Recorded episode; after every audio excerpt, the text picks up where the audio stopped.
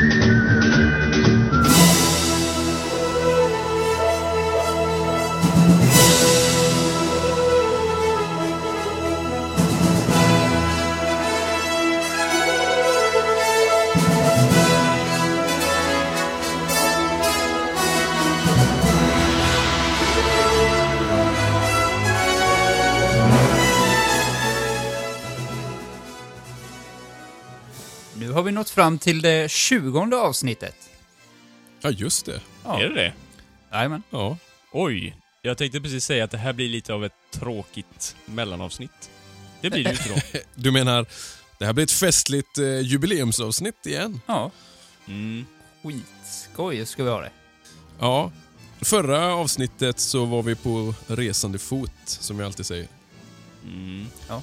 Skåne. Ja, Fort Wayne. Fort Wayne ja. Jag blev väldigt överraskad i, eh, av många saker egentligen. Mm. Det var inte alls, eh, eller jag visste inte vad jag hade väntat mig, men eh, det var ett väldigt givande samtal kan man ju säga. Mm. Mm. Ja, det var det. Eh, Han hade mycket att säga. Mm, mycket kunnig och eh, eh, ja, men, eh, tänkvärda idéer kring Mm. eh, rätt mycket. Liksom. Ganska Ja. ödmjuk. Ja, väldigt, väldigt så.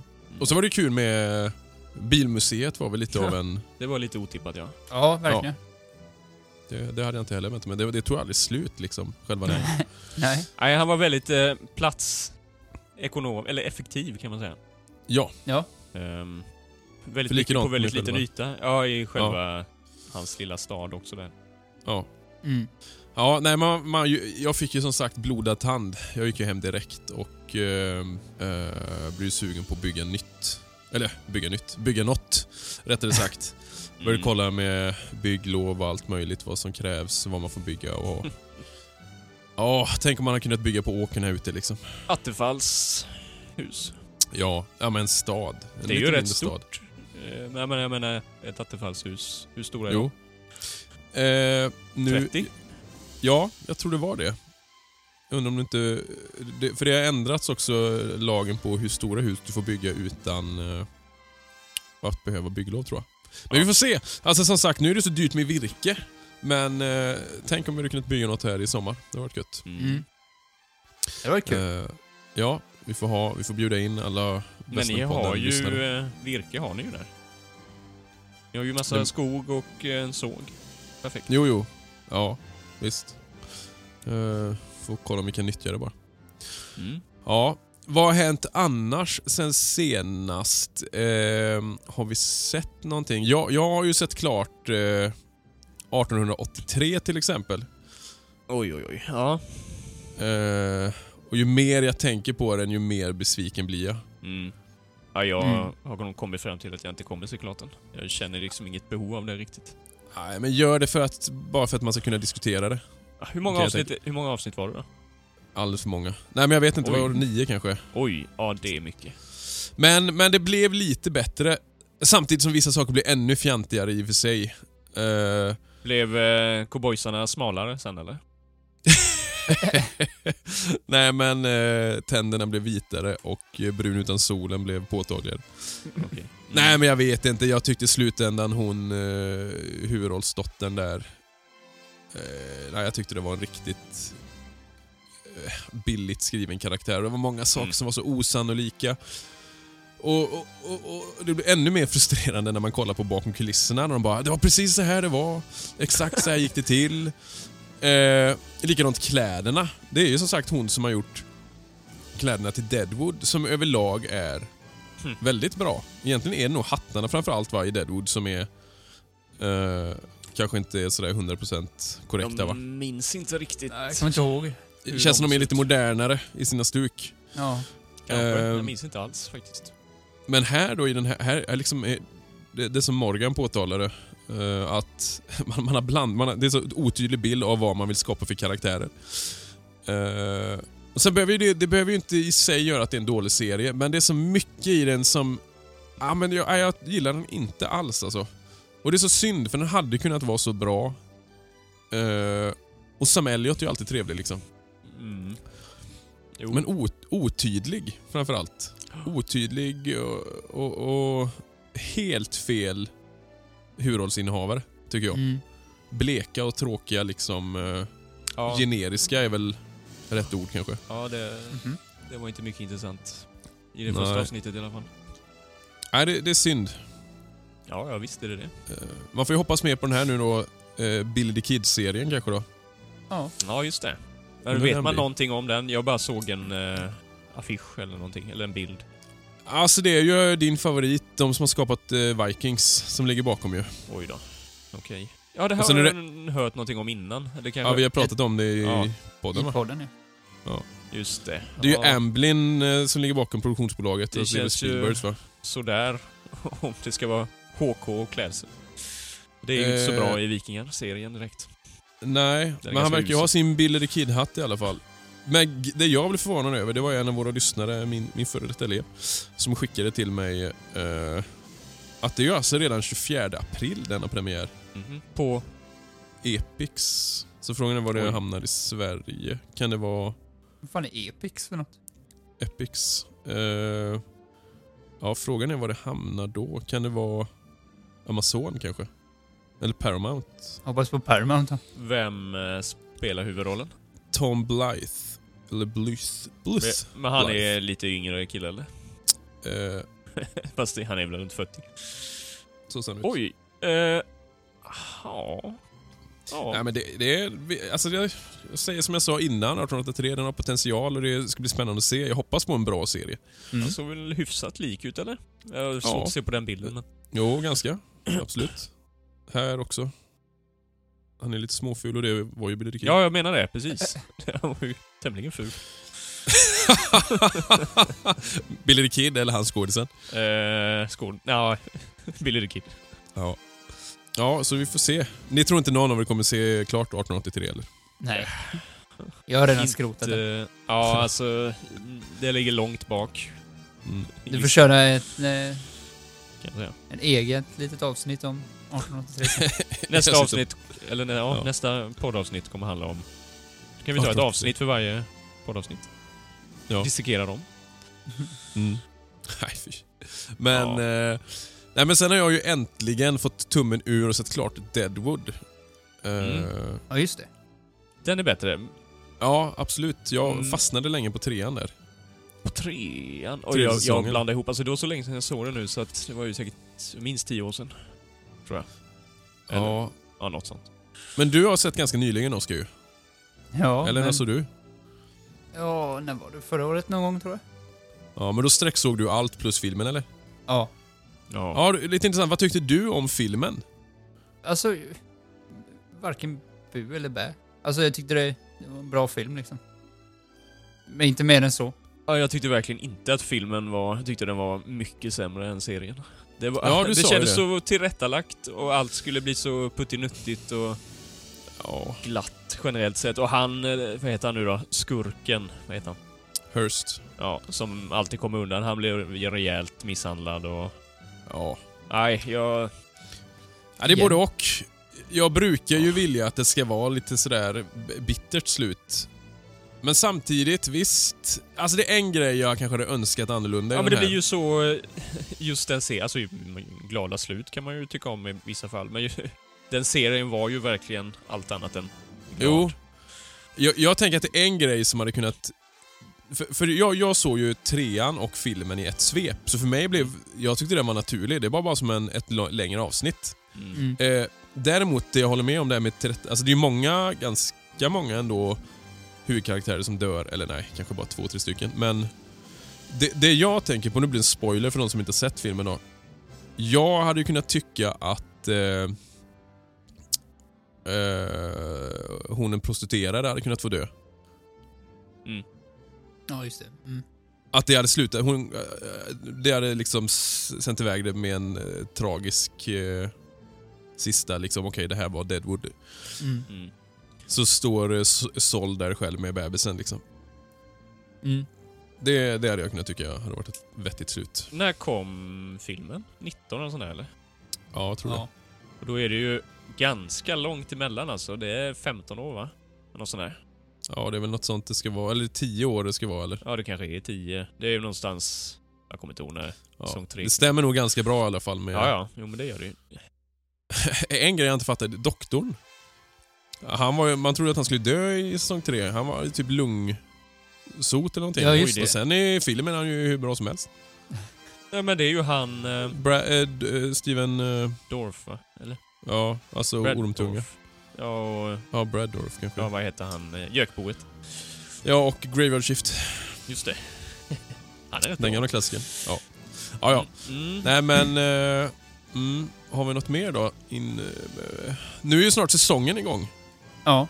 Det kan man ju nämna. Alltså västernsäsongen börjar på allvar. De här olika eh, föreningarna börjar öppna upp och träffar och allt möjligt på alla de här ställena. Och High Chaparral har öppnat sin bokning. Eh, Mm. och nytt för år är ju där att man kan boka för 75 spänn extra va, så kan du väl boka var du vill bo exakt. Ja. Är det inte så? Jo. Eh, Men de hade ett himla påtryckningar där första dagen när man skulle boka. Eh, Det havererade ju bokningssystemet ett tag. Mm. Nej, för jag, jag, jag, jag bokade flera gånger så bara studsade det. Så fick jag ingen bekräftelse. Men det löste sig väl sen på eftermiddagen där. Mm. Jag får aldrig bekräftelse när jag har bokat. Nej, du får Innan. aldrig det. Det Du kanske ska höra av dig. Ja. Du, du kanske har bannat din mail. Ja, antagligen. Du har skickat för många snuskbilder. Du står i din union suit bara "Eh, “Har du någonting som passar den här kroppen?” Men, eh, ja. ehm, och vad var det som är nytt där på High Chaparral? Man har gått ut, jo det här med Maten. ja, Ja. maten dels, men eh, också Young Guns ska bli Young Guns. Eh, Nej, det heter ju något, de la ut igår ju. Ja, svensk, nej Barnens Västern va? Barnvästen, ja. Main Ja. Street. Mhm.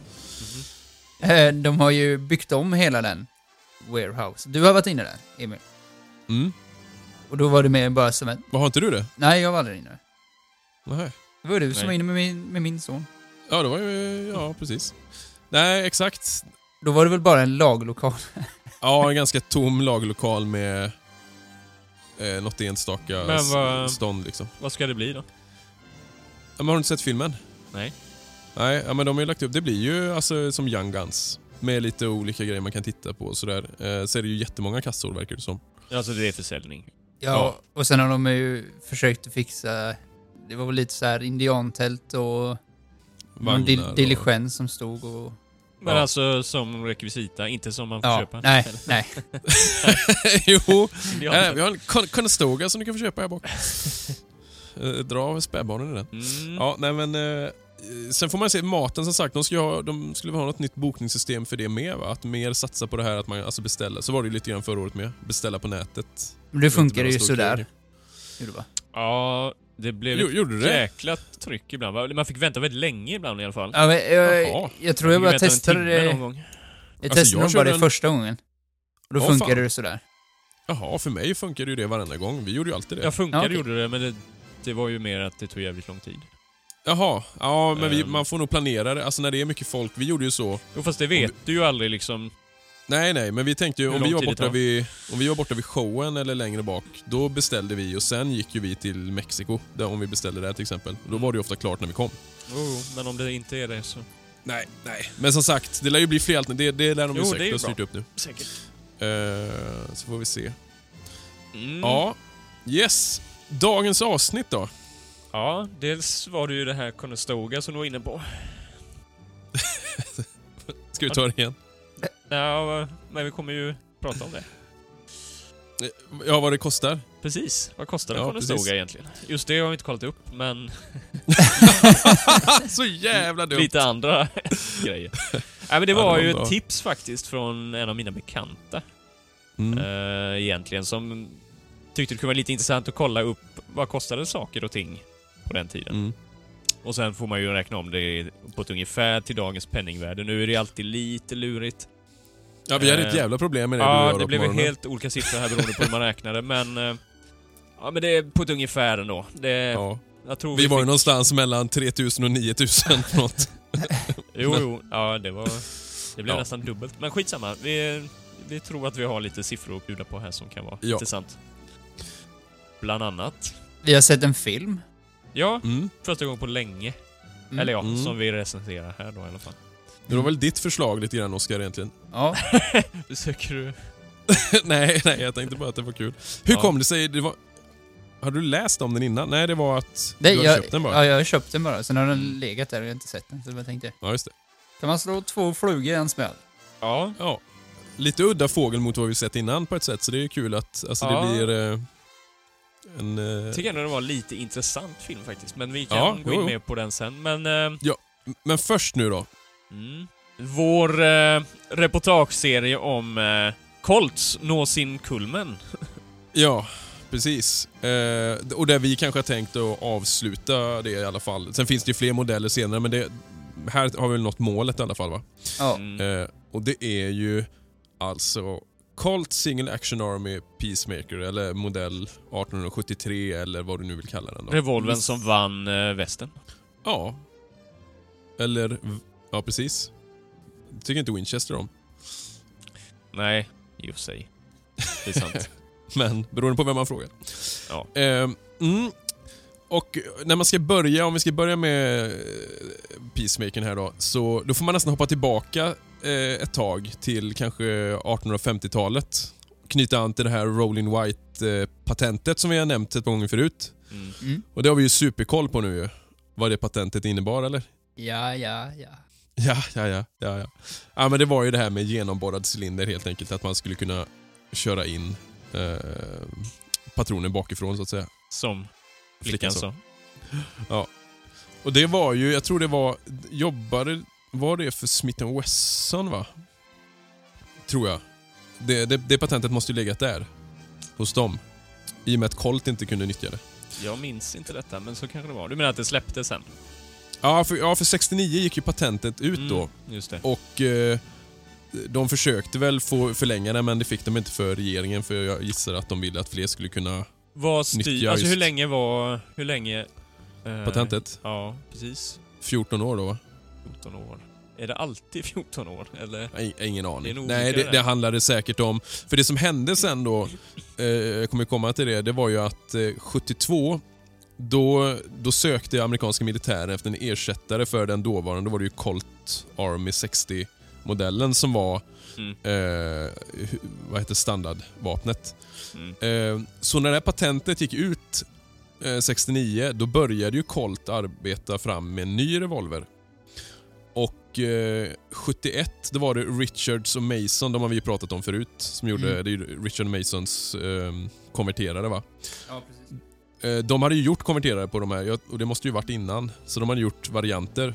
Och 71 eh, så började de tillverka, eller ja, kanske att den släpptes 72 då, men de designade Colt Model 1871-72 Open Top. Så den ser ju typ ut som Single Action Army, men den har ju en... Eh, ramen går ju inte ovanför cylindern. Jag vet inte vad det kallas Oj, den för... vet inte fasen om jag har sett.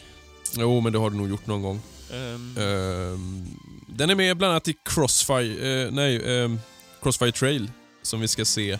men du, nästa nu blir jag bara lite nyfiken här. Hur många modeller utav den tillverkades? Ja, jag tror det var 7000, eller modeller, Nej, alltså, eller antal nej, X. nej, jag tror ja, det var X, 7000 alltså. eller någonting.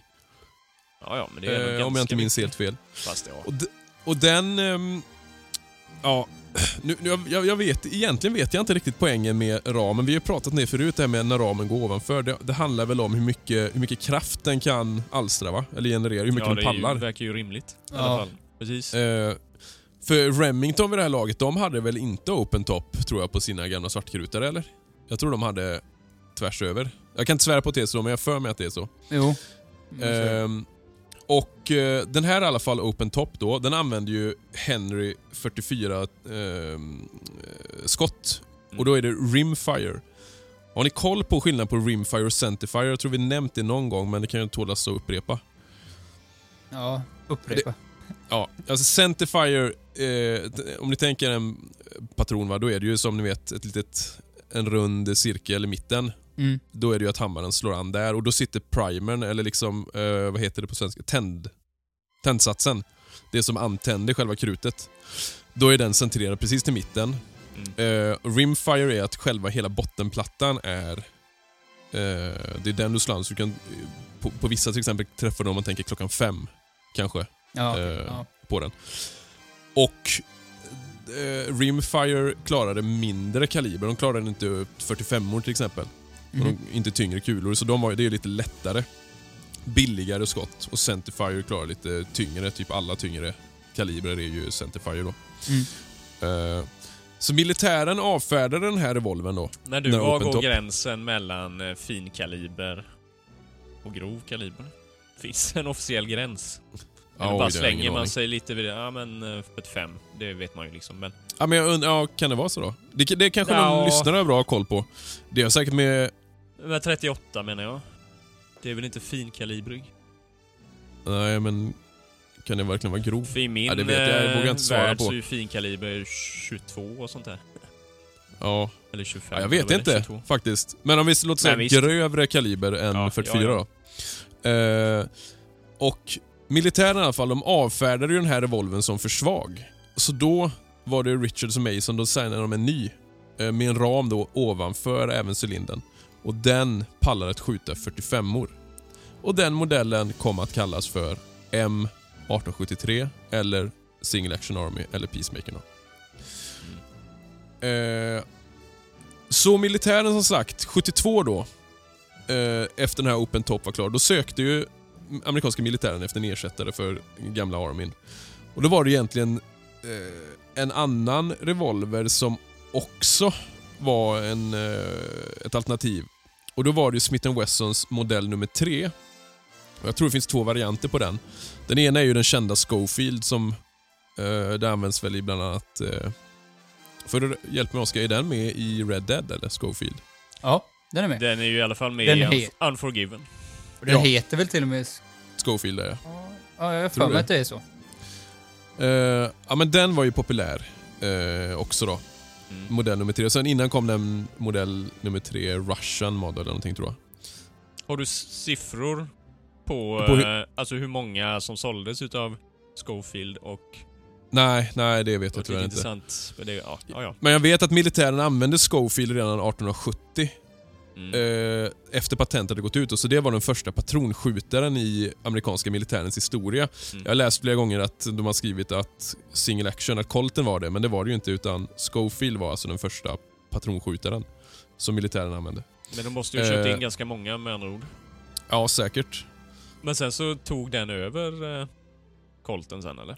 Ja, eh, egentligen varför vet Nej, jag men vad är inte. fördelen då?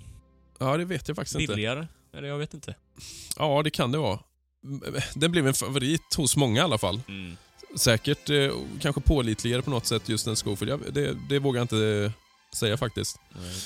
Ehm, men man kan tänka då, det som var fördelarna nu med den här som kom då, om vi bara tar, går tillbaka till basic.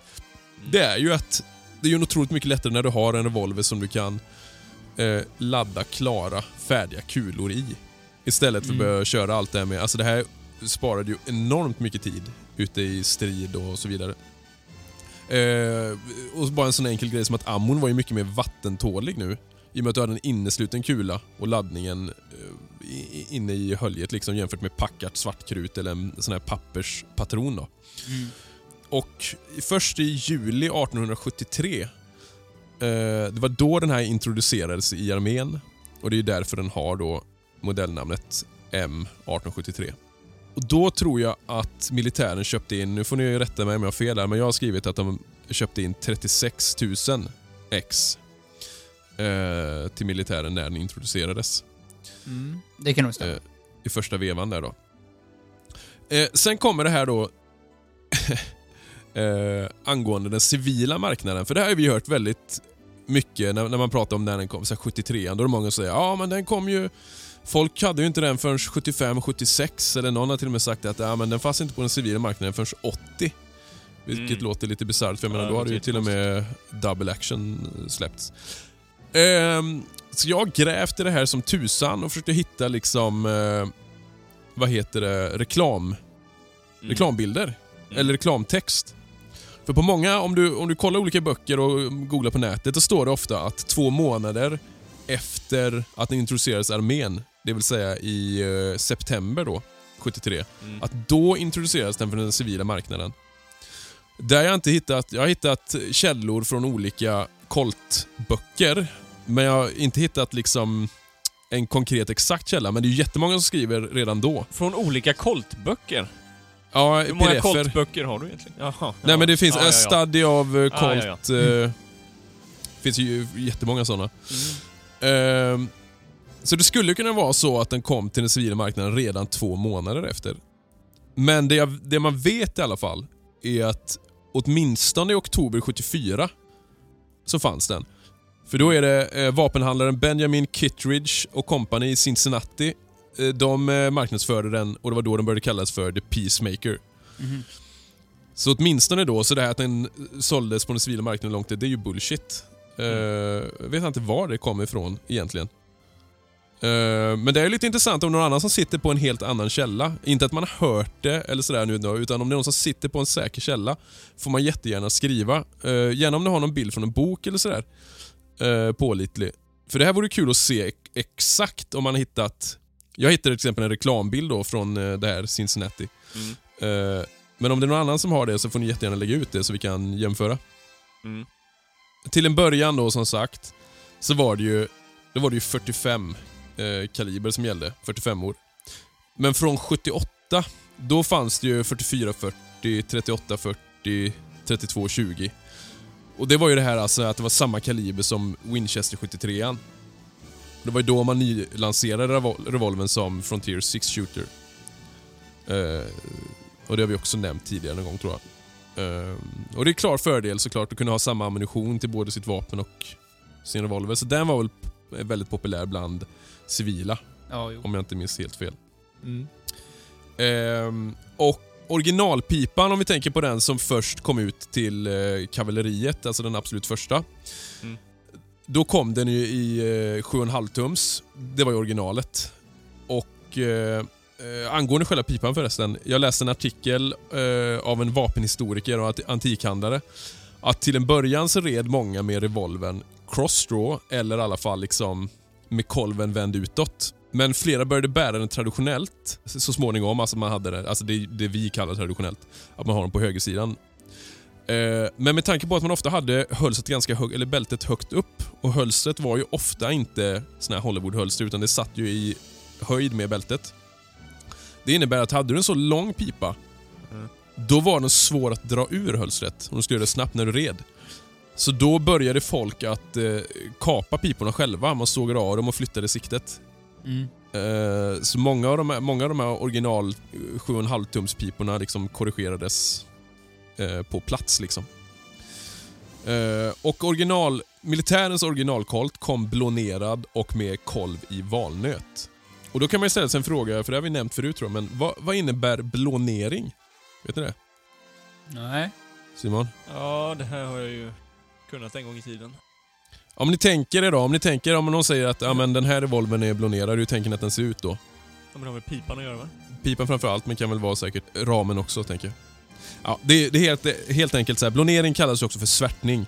Och det gör att du rostskyddar eh, Mhm. pipan och ramen genom att eh, stryka på linolja på upphettad metall. Så att du har ju hettat upp Mm. pipan. Och, Ja. eh, så då blir den ju blåsvart, därav namnet blånering. Då. Ja. Och här är en lite intressant grej om kolven. Som jag sa, först var det ju liksom eh, ofta valnöt. Och det kunde ju olika finish på den sen då. Speciellt när den kom till eh, civila marknaden. I mitten på 80-talet så kom det något som hette Gutta Percha. Eh, jag ber om ursäkt för uttalet, jag har ingen aning om hur det uttalas. Men då var det alltså lika vanligt med gummihandtag. Svart gummi. Och det här är alltså 1880-talet. Ja, men det har jag nog sett någon gång. Ja. Eh, det ser man ju inte så jätteofta på film, utan det är nästan alltid träkolv. Men det här verkar det vara ganska vanligt i alla fall. En sorts hård gummi. Mhm. Mm. Och Eh, en liten rolig anekdot då. Eh, 17 000 existerande Colt-revolvrar, single action, modifierades till 5,5 tums eh, pipor för artilleriet just. Mm. Eh, och De användes bland annat av eh, eh, Theodore Roosevelts Rough Riders. Det var frivilliga soldater tror jag, som stred på Kuba 1898 under spansk-amerikanska kriget. Mm. Eh, ganska sent ändå Mm. att använda just såna. Det påstås att de hade det, men det råder visst tvivel till hur det var då. I och med att då hade ju Colt Double Action kommit. Eh, och den var ju klart överlägsen Single Action. Mm. Men det påstås i alla fall att det var så. Mm. Ja, och om vi ska gå in lite på det här med piplängder då. Vi, vi sa ju det att standard var ju 7,5. Mm. Kallas ju ofta för cavalry. Eh, och så hade vi då 5,5 som är artilleri eller artillery. Mm. Och så har vi ju eh, 4 och 3 kvarts som var ganska vanligt hos eh, tydligen sheriffer. Och eh, ja, jag vet inte om det är samma sak där, att den är lättare av fickan. Finns det uppgifter på det? Ah, ja, nej, jag bara på flera sidor står det. Men eh, ja, jag har sett i och för sig några stycken att den här eh, serienumret, den här ägdes av en sheriff i eh, Kansas till exempel. Den här ägdes av en sheriff i bla bla bla. Mm. Men sen kan jag inte svära på att det är så att ja, så här många procent av de här används till. Det, det vet jag inte. Utan det är väl mer. Ja, ja. Den källan får man väl ta med en nypa salt. Ja. Men den kallades ju ofta för civilian eller gunfighter då. Eh, den lite mindre pipan. Mm. Och eh, här får vi se Oscar. eh, Du hade nog lite andra siffror här. Frågan om det är för här, den här tidsperioden. Men jag har skrivit att mellan 1873 och 1941 så såldes det drygt eh, eh, 358 000 i olika kalibrar. Ja. Och fram till 41 alltså. ja, det här är nog... Ja, lite Längre fram, oklart. Ja, det är nog ännu längre fram. Jag har ju en halv miljon. Över en halv miljon. Ja. Då är det alltså första och andra generationen då? Eller? Nej, första bara. Jaha, nej okej. Ja, just det. 41. Precis. Vadå? ja, första. exakt. Okej, det är där... Okej, det är Mm. första. För Ja, ja. efter krigstiden, då börjar ju Colt producera single action på nytt 55. Okej. Eh, och då, vi kommer in på det med priset sen då, men då såldes de för 125 dollar. 50-talet. Ja, 50-talet. Mm. 125 dollar. Eh, och det var ju mycket tack vare att då hade ju de blivit så kända genom film liksom. Ja, just det. För man, man ska vara medveten om det att Coltens popularitet single action, alltså det är ju mycket, mycket, mycket tack vare filmerna. Ja, det är klart. Mm. För jag menar, du använder ju Schofield och Remington och allt möjligt. Vad sa du att den kostade på 50-talet? 125, ja vad det blir motsvarande nu. Mm. Mm. Mycket intressant. Vad hade det varit motsvarande nu då? Ja, det blir... nu då? Nu då? Nej men eh, 1300 dollar idag. Blir det. Oj, Mm. det är ju jättedyrt. Mm. Det är ju betydligt dyrare då än vad det var när det begav sig. Ja, så det var, ja precis, då blev det ju mer än Men Eh, jag vet inte... en. Ja, precis. Jag bara tänker priserna på 50-talet generellt sett. Var det höga Ja men det, det ska ju vara inräknat. Ja, ja, ja. Jo, jo, jo, jag vet. Men jag bara... Då var det ju god ekonomi tänker jag och Ja, i efterkrigstiden och så. Men det, det ska Ja, vara inräknat alla, med inflation och allt möjligt. Nej men USA just. ja, i Sverige med. Jo. Ja, men så man kan tänka i alla fall, det här är ju alltså en revolver som används om vi tänker från 73 då. Alltså indiankrigen till exempel. Ända fram till faktiskt andra världskriget. Eh, för då var det så att eh, amerikanerna skickade ju vapen till England som bistånd och däribland var det ju en del single action. Mm. Mm. Så sådana har ju... Det finns ju en del sådana där med då. Mm. Mm. Oskar, du, hade du någon bra faktasammanfattning i olika... Ja, vi kan väl bara ta den här klassiska faktarutan. Mm. Ja. Ehm, så att den designades 1872. Alltså den Mm. slutgiltiga Mm. första generationen liksom. Men eh, Mm. släpptes 73. Och den har ju producerats då i tre omgångar. Och då var det ju 1873 till 1941. Sen Mm. 55 var det va? ja. Till eh, 1971. Och sen 1976 till idag. Och är det Colt som gör nu också, eller räknas det de här kopiorna? Eller Jag, jag tillverkar Colt lite osäker, men jag tror det är... Det är nog... Pietta av dem? Ja. Ja. Men det, det kan vara så att Colt gör fortfarande, men det, det har jag inte kollat upp. Nej. Ehm, vikten på en eh, single action? Vad var den? Ja, Simon? vet jag Ett, inte. ett kilo va? Ett kilo, ja. Mm. Alltså Just- oladdad då, så att säga. Ja, precis. Det är Ehm, typ som en Navy då. Mm. Och eh, 26 centimeter. Mm. Lång. Mm. Och som sagt, ungefär en halv miljon. Men eh, det, kan ju, det är nog inte bara första generationen då. Nej, precis. Det luriga där är ju också att serienumren, jag kollade det. Eh, de skickade ju tillbaka många serienummer och gjorde om de revolverna till andra modeller. Eh, så undrar hur det är där, att många har nog tagits ur, ur lopp, Ja. alltså gjorts om, Mm. om man säger. Så de finns nog inte kvar på marknaden Nej. överhuvudtaget. Jag såg ju på en auktion såg jag att de skulle sälja eh, serienummer två Oj. på det här Rock Island Auction, men det kom aldrig, alltså det var ju innan de sålde den så jag vet inte vad den gick för. Nej. Mm. Ja. Ehm, Spännande. Man kan ju nämna det med, det med kolvarna. Det gjordes ju jättemånga olika varianter. Jag vet på Navajo-indianernas reservat, gjorde man, då var det sån här... Eh, var det pärlemor? Det var någonting i alla fall väldigt speciella. Det var också på någon som sålde i en sån här vapen... Antikvapenhandel. Eh, någon buffel ingraverad på eh, revolvern, väldigt ball. Mhm. Men Eh, nu bara kommer jag att tänka på, alltså originalträkolven. mm, Vilket träslag var det? Valnöt. Är det det? Mm, Det kanske du sa innan, eller? ja. Eller jag tänker på annat här. Eh, Draksvans. Men eh, var det det på de tidigare modellerna med? Valnöt eller? Du menar på Navin och Ja, Army 60 och den? precis. Nej, det vet jag inte. För det, ja, Ah, eller nej, jag kommer inte ihåg. det? Nämnde vi ens det då? Det tror jag inte. Nej, vi har det inte nog gjort Ja, Okej, jag har kollat upp några eh, komplement till faktarutan här då. Det är bland annat räckvidden. Som jag har hittat. Alltså, det är lite lurigt att söka information såklart. när det gäller såna här saker. Men en siffra jag har hittat här nu är 300 feet, alltså det är 91 meter. Ja, drygt 90 meter då. Mm. Mm. Eh, Jag minns ju inte, men det kollade vi nog. Jo men visst var det längre än... Det var ganska mycket längre va? Än... Eh, både- sa du räckvidd nu?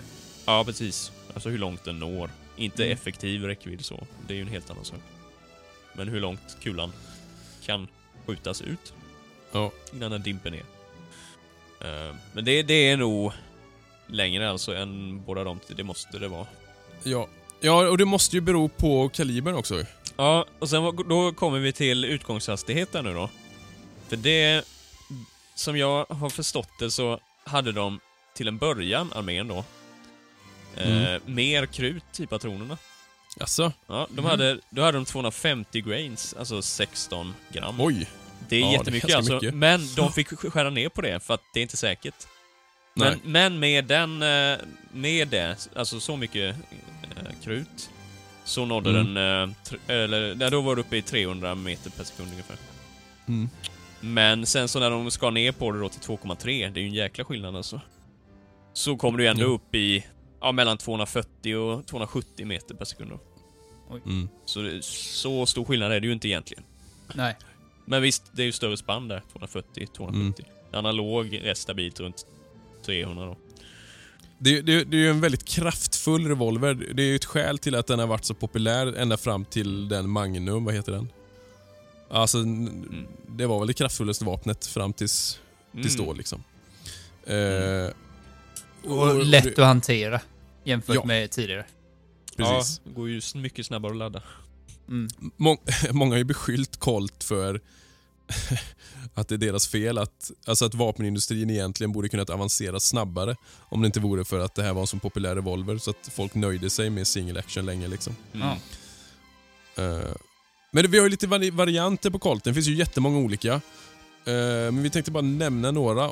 Oskar, ska du börja lite med den eh, beryktade Buntline? Ja. Alltså, det finns ju ingen exakt fakta att den här verkligen har funnits så tidigt som under den här vilda västern-eran. Nej. Men eh, vi får väl ta lite rykten då. Får man väl Mm. bedöma själv vad man tror på. Mm. Eh, men det sägs ju att Wyatt Earp, Bat Masterson, Bill Tillman, Charlie Bassett och Neil Brown fick en varsin Colt Single Action Army utav Ned Buntline eller Edward Judson? Judson? Ja, precis. Och det sägs att revolvern hade en 30 cm lång pipa och så här avtagbara... Eh, vad heter det då? Ja, du kunde sätta så att det blev som ett gevär. Typ. Ja, ja. Mm. Ehm, och träkolvarna var ingraverade med namnet Ned. Efter Buntline då. Och allt det här finns ju från en känd bok. Vad heter den? Ja, Stuart Lakes. Mm. Ja. Eh, Frontier Marshal White Earp. Mm. Från eh, 31. 1931. Precis. Eh, enligt han Lake så behöll Wyatt sin revolver som den var. Medan de andra hade kapat ner piporna. Så att de Så blev dumt. kortare. ja, Så dumt, ja. Av en händelse. mm. Ja, för 12 tum var den va? Ja, inte 10 då? Eller är det 12? Ja, men det kan nog vara det. Eh, det. Det finns en artikel som jag har. Någon gång kan vi fördjupa oss extra mycket i just det här, för det är ganska intressant och det berör ju White Earp framför allt. Det är ju därifrån historien kommer. Alltså det, det gjordes ju ungefär 30 stycken revolvrar med lång pipa mellan 1873 och 1940. Men, men hur lång pipa då? Är det... Ja, det... det, det För vet jag 10 inte tums exakt. finns väl? Det vet man väl va? 10 Ja. tum finns väl? Men de, de kallades ju inte för Buntline liksom. Nej, nej, nej precis. Och det var väl det... Ja. Men sen är det ju så här, Buntline, han var på en utställning 1876 i Philadelphia. Där eh, Colt visade sina pistoler. Mm. det lät ju kul. eh, han, han kan ju ha köpt flera revolver där just då. Eh, likadant så besökte han ju Colts huvudkontor i Hartford. Han kan ju ha köpt några där med. Vet man inte. Mm. Och båda, i båda fallen så hade det inte behövt, behövt eh, krävas någon eh, registrerad leverans. Nej, i och med att det var special. Ja. Och sen är det ju så att Colt har ju faktiskt gjort ett gäng buntlines.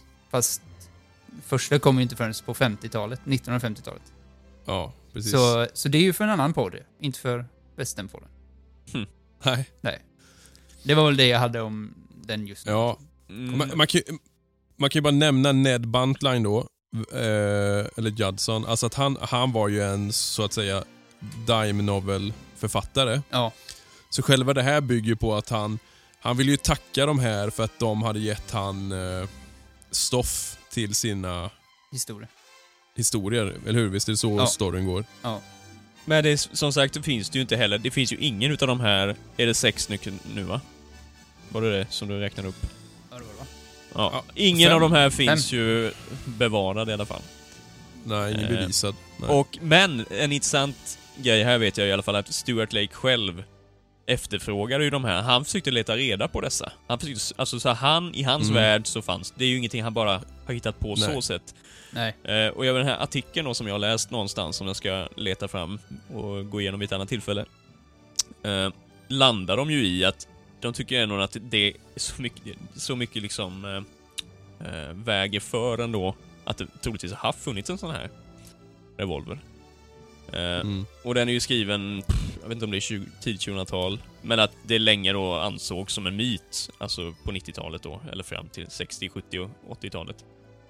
Eh, Men så att det var- var ju en sanning innan också då, alltså på 50-talet eh, och den här tv-serien. Mm. De, de, alla trodde ju liksom att, ja de- det var ju då de tillverkade den sen va? 50-talet eller? Ja, Mm. ja. Precis. Eh, Sen blev det ju liksom mer, ja, källkritisk skola helt enkelt. Mm. Jag läste lite grejer som talar emot också för eh, Buntline påstår väl att han har gett de här, eller om det, nej, eller Lake påstår väl att Buntline ska ha gett de här till Wyatt Rom vid ett speci- specifikt tillfälle. Eh, och då, Mm. just vid det tillfället, då var ju Wyatt och Morgan i Deadwood. Och Ja, det. var någon annanstans. Men det där, Eh. ja... Jag tror det i och för sig reds... Ja, fast detta är... Jo, men så här är det ju. Det utgår ju från... Det här resonemanget är med i den artikeln vet jag, för att det utgår från att han... Att Wyatt har nämnt ett datum. Mm. Jaha. Okej. Ja, men jag tror det är så, för att... Och det, det gör han tydligt, och det är fler exempel på att han blandar ihop årtal. Han har inte Ja. helt... Alltså Jo, det, det är ju bara att tänka tillbaka 40 år bak i tid Jo. liksom. Det är ju lätt att hoppa ett par år liksom hit och dit. Det kan ju handla om Jo. fyra år liksom, så att det där är lurigt. Ja, För ja, jag han fick för mig tar att det flera var... exempel när han just tar fel. Det här kan inte stämma liksom, kronologiskt. Ja, Eh. och sen Stuart Lake, han har ju också sagt när någon har pressat honom att han har lagt ord i munnen på Wyatt för Ja, att ja. han var... Jo. Att han inte sa så mycket. Men just det här att han efterfrågar den här, liksom har gjort efterforskningar för att leta rätt på dem, tyder ju ändå på att det är ingenting Stuart Lake hittade på. Nej, förmodligen. Eller så är det ju så att han vill Ja, att det ska framstå det som in- att han... Ja, fast det är ju konstigt. Det var ju liksom ingenting som trycktes, det här, när han skrev brev och... Eh, ja, det känns nej. som att han... Eh, Nej, men det kan ju säkerligen finnas. mm, Eh, jag, däremot, jag, jag har läst ytterligare en grej då att... Uh, det har lite med OK Corral att göra på ett sätt. Eh, men i alla fall, borgmästaren i Tombstone. Ska tydligen ha skänkt en revolver till Wyatt Earp. Och Det var alltså en Smith Wesson Model 3, en sån Schofield som vi pratar om, fast med 8 tums pipa. Mhm. Det är alltså en 20 cm lång pipa. när, jo, eh, när skulle han ha gjort det? Ja, någon gång i Tombstone. Och enligt... Nu, nu fick jag inte... Jag försökte leta efter själva i Oj. den här artikeln. För det var, det var massa eh, referenser i den här artikeln, men just kring den här fanns det ingenting, så det här får man ju ta väldigt lösryckt. Ja. För det påstås att eh, några vittnen eh, menar att han hade en sån revolver, alltså Smith Wesson, under OK Corral. Fast, ja, det är en källa som säger det va? För det, du har inte sett Ja. något vittne som verkligen, för det har, eller alltså en uppgift från ett vittne? Nej, det, nej alltså Nej, det här ska för det vara där- ett vittnesmål, men jag hittar ingen källa på Nej, vittnesmålet. jag undrar det ja. För Så jag att vet inte om det är med i protokollet. Det här är en sån man får, det här kan man kolla i Wired Earp-avsnittet. Mm. Eh, om det finns befog för det. Jag är ganska säker på att det inte finns det. Men... Nej. Eh, mm, det Men det hade också varit en rimlig tanke, att man blandar ihop det med en, eh, Jo, jo. en längre Men det modell känns nummer tre. helt osannolikt att han skulle ha med en sån revolver där också tror jag. Jo, jag, jag tänker överlag som- så här. Varför, ja, varför skulle du ha en sån lång revolver? Nej, det är ju mer som en kul grej tror jag. Ja. Ja, jag menar det. Alltså du, du lär ju aldrig använt som en den. Det känns ju souvenir. inte så... Nej. Nej, precis. eh, Ja, det är om man uh, buffaloar folk med den då. Då är det bra. jo, Livsfarligt. man, jobbigt att dra ut den bara. Det tar ju en timme att få ut den. eh, Jag menar, som du som lagman har den till exempel i bröstfickan. Liksom. Mm. Får ju stoppa ner den i byxbenet. Tänk Jokern i eh, Batman Ja, 89. precis. Hur lång är den? Det är ju typ en buntline. Ja. Om inte den är ännu längre. Den är enorm, Ja, säkert. Ja, som flickan sa. Ja. Mm. jo. Sen har vi en till variant då. Som heter Colt Bisley. Kanske den fulaste Colten som finns. Eh, Mm, Faktiskt. Okej, hur ser den ut? Har du en bild på den? Eh, Beskriv mm. den målande. Beskriv det målande. Tänk dig ett jättefult handtag. En kolv som är... eh, Fyrkantigt. näst- Nej, eller rak vinkel med. Alltså den går mer neråt. Jättekonstig ser den ut då. Mm. Eh, en märklig, märklig hammare. Som har en konstig böj och sen jättefula sikten på den. Vad heter den sa du? Colt Bisley. Va- va- Siktet ser ju inte så konstigt ut eller? Ja, och på Target-modellen ser det jättekonstigt ut. Speciellt om du ser den bakifrån. Ja, men den här eh, Colt Bisley då, det här är ju egentligen en, alltså en målskytte-revolver kan man säga. Ja, nu ser jag. Jaha. Ja, precis. Ja, Rak vet jag inte, men... Eh, Ja, men en, en nästan sna, snävare, snävare vinkel. Den Ja, går ju inåt nästan igen, inåt. eller Ja, tillbaka. faktiskt. Ja, det ser ut som en banan eller någonting. Mm. Ja, Eh, lite- inte så jävla tjusig, tycker inte jag. Så Eh, fruktansvärt ful vet jag inte. Det var lite Ja, jag tycker överdrift. den är eh, riktigt gräslig. Speciellt när de har så här gummihandtag. Var det inte det du sa om eh, Thunderer också först? Nej, den tycker jag är ju ganska ball. Ja, vad sa du Men- verkligen det först? Jo, det tror jag.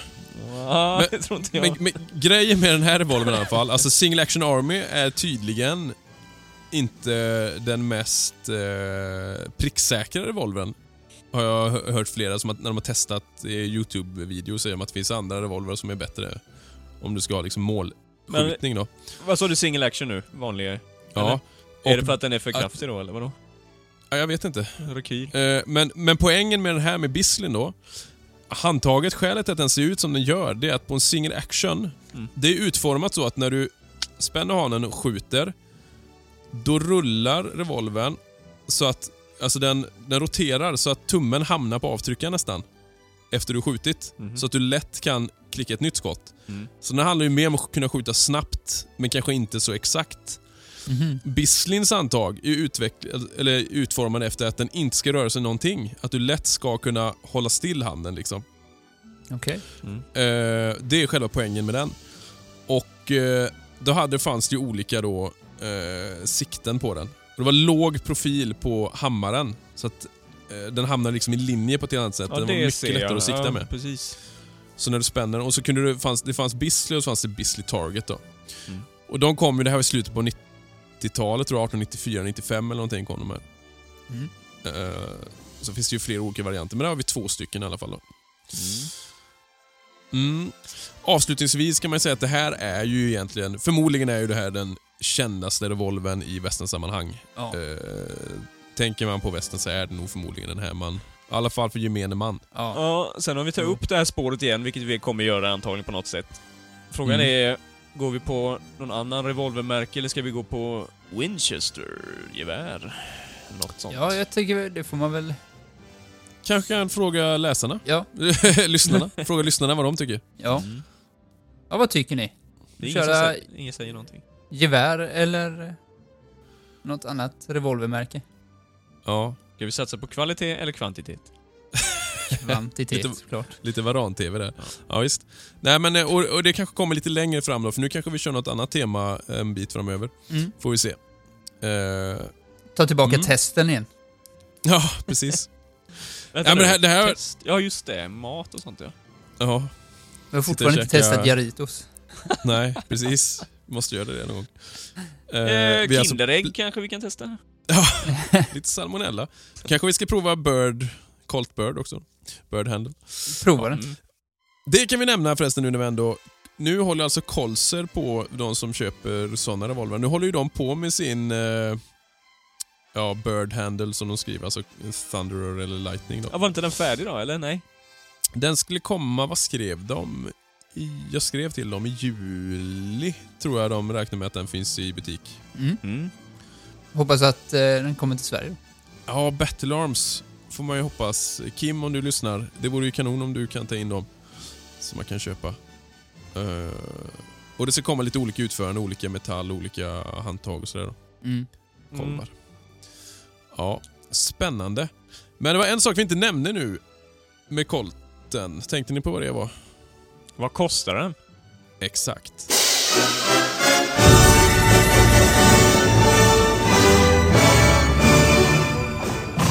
Det är lugnt och tyst här ikväll. Just vad det ska vara det, Jake Logan. Ta ditt gäng och stick va. Jag vill inte ha något bråk här ikväll. Ja. Och Ja. vad kostade en Colt på 1870-talet? Ja, jag skulle säga någonstans runt 17 eller 17,5 dollar. Ja, precis 17,5 tror jag. Ehm, Eh, om det inte var militären då, för de köpte in dem för 13, tror jag. 13 eller 14 dollar. mm, ja, det är ju en viss skillnad såklart då. Men det är ju inte en privatperson som betalar då va? Nej. Eh, men, eh, och 17 dollar, cirkus, motsvarar i dagens penningvärde i svenska kronor. Hur mycket tror du, Oskar?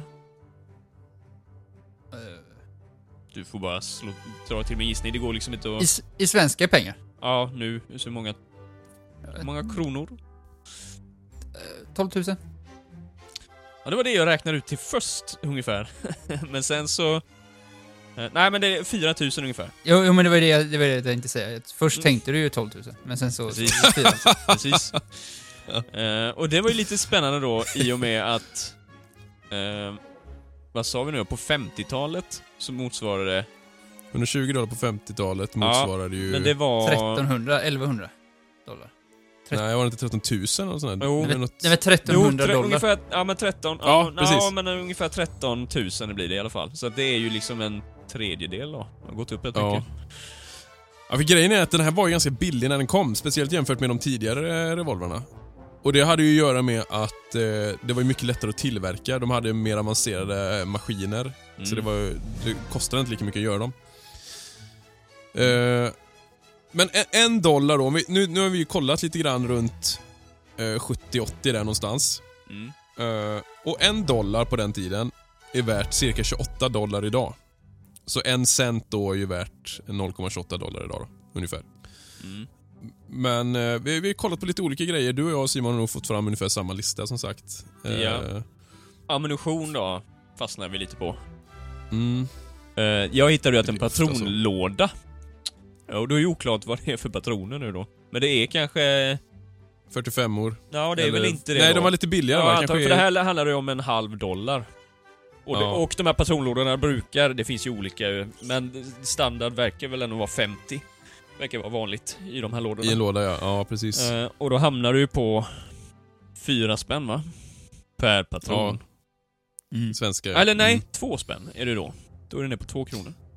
Ja, precis. Det beror ju på som sagt Mm. vad vilken kaliber och så Ja, då, men... Men det eh, ligger nog någonstans där mellan två till fyra beroende på. Så det är ju inte jättedyrt. Nej.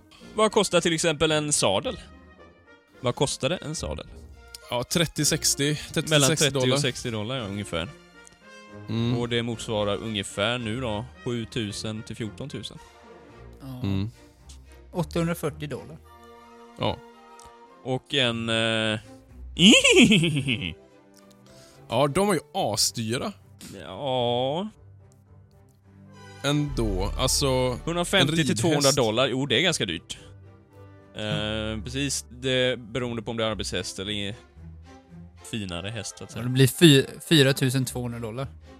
Ja, I- mellan till 3 idag. och 6 och 4 och nästan 5 tusen dollar. ja. Ja. Men eh, alltså mellan 35 och 45 tusen ungefär, motsvarande svenska kronor idag. Mm. Och då om man tänker till exempel, låt oss säga en cowboy då. Eller en, Yes. en, eller en uh, ranchhand eller någonting. Mm. En cowboy ute på en cattle drive har jag läst att de tjänade mellan 20 till 25 i månaden. Så en cowboy tjänar ungefär, vad sa vi? Ja, 600. 6000 6000 spänn spänn. i månaden. Det är ganska pissigt. Ja, Eh, och då var vi inne även på, eh, ehm, vad heter det? Deputies också va? ja precis. Där var det ju lite mer, det kunde ju alltså... Var det inte upp till 100? Ja, en, en Marshall i Kansas under den här eran kunde ju tjäna... Eh, 100, ja. 100. Det vill säga 2 5. Nej, 2400. Ja, jag tar 2400 då. Ja, Då, då är det nästan 23 000. Det är 22 900 ja. I svenska Ja. kronor. Ja, 22. Ja, det är ingen jättelön. Nej. Eh, men Hickok låg på... Ja, nej men 34 000. Det är ju en ganska hyfsat. Men sen när vi kollade soldatlön, då är det ju tidigare då, det är ju under kriget. Antar jag. Ehm, så var det ju ganska lågt på de lägsta, alltså korpral och sergeant. Men Mm. tar du upp till general så skulle den ligga runt 700 dollar i månaden. Det är alltså ungefär 160 Oj. 000 i månaden. Nu. Det är en ganska Mm. bra lön. Ja. Otroligt bra, får man ju säga. Hmm. Mm. Sen eh, textilier och sånt där då? Alltså kläder. Eh, det beror ju på liksom, hade du råd att skräddarsy? Mm. Alltså vanligt folk sydde ju själva såklart. Ehm, så då köpte du ju per meter, eller yard. Och en yard är väl 0,91 meter. Eh, så en skjorta, låt säga det kanske går åt Åt jag vet inte, två yards lär det ju gå åt. Då är det ju 1, ja, nästan 2 dollar. Och vad fan blir 2 dollar nu då? Ja, det är ju typ 18 spänn. Mm. Ja, typ Ja. 19 spänn. Ja. ja, så det är ju ungefär 19 kronor metern då. Kan det stämma? Ja, Ingen aning. Jo, där vet jag inte vad som det är. låter ju ganska billigt, men det kanske stämmer. Men eh, man ska också, man kan tänka på det med att det, som jag fattade så var det ju väldigt mycket billigare att beställa via katalog. Det var nästan dubbelt så dyrt att köpa i butik när det gäller vapen, ammo och tyger. Mhm. Mm. Så det, det är därför också de här priserna kan vara väldigt olika. För nu har vi ju, några saker kommer från där personer har berättat vad det kostar. Några är från eh, kataloger Mm. helt enkelt. Mm. Är det så i Red Dead, Oscar? Det har jag inte tänkt på. Är det billigare att köpa i katalogen än i butik? Det har jag inte tänkt på. Vad kostar det där då? Vad kostar en eh, single action? Ja, men det är typ det här. Då är det runt de här priserna. Ja, så de har läs på där. Men det Och är väl... likadant skotten kostar ju också... Eh, det är typ två cent eller någonting va? Ja, per patron. Ja, i och för sig då kanske det är... Då är det box om 10 ja. Så då kanske det är... 10? Eh, Var det vanligt? Eh, Ja, jag vet inte. Nej men där är det väl det. Ja, ja. Eh, vi läste ju ett rykte där, men det, det får man ju ta med en nypa salt. Det här med att man kunde byta ut en kula Ja, just det. på salonen En mot shot en whisky. whisky. Ja, att det är därifrån det begreppet kommer, shot of whisky. Ja, jag men vi fick läst inte lite olika. stämma riktigt. Nej. Jag får, det verkar ju inte stämma riktigt eh, prismässigt då.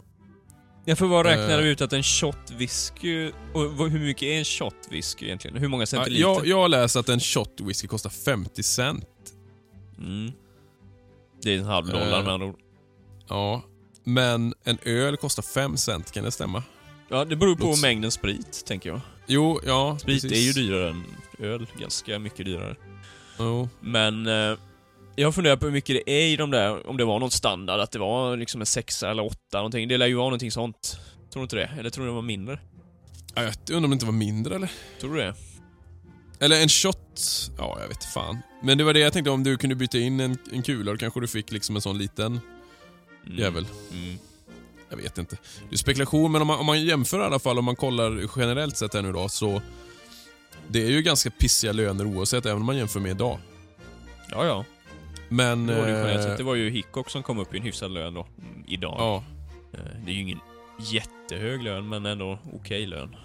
Kan man säga 34. Det är väl typ medellön kanske? Nu? ja. Men om man kan jämföra, om man bara tar de här uh, yrkena vi pratat om då, så... Marshall var ju relativt högt. Trail Boss på en Kettle Drive tjänar ungefär lika mycket. Alltså 100, Sen har man- 100 dollar? Ja, ja precis. Mm. Sen har man ju Ranch Hand kanske. Sen kommer Cowboys. Pony Express-ryttare tjänar ungefär lite mer än cowboy, de har 25 dollar i veckan. Mm. Ehm, en som jobbar i en gruva kunde alltså tjäna ungefär dubbelt så mycket, eller tre gånger så mycket som en kofösare. Mm. eh, just för uh, dödsrisken gissar jag. Ja, det, ja. det var hårt. Där ser man. Mm. Då har vi lite, lite om priser i alla fall. Mm. Svårt, jävligt svårt att räkna ut exakt, alltså just med inflation och allt Ja, möjligt. det blir det ju.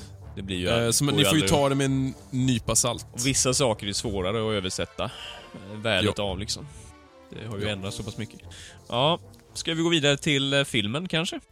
Jo.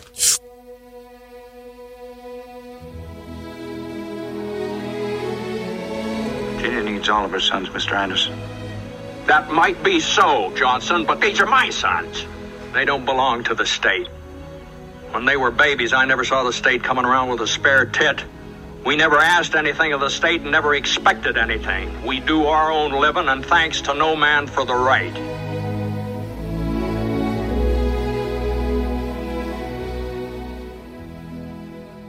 Vad heter filmen?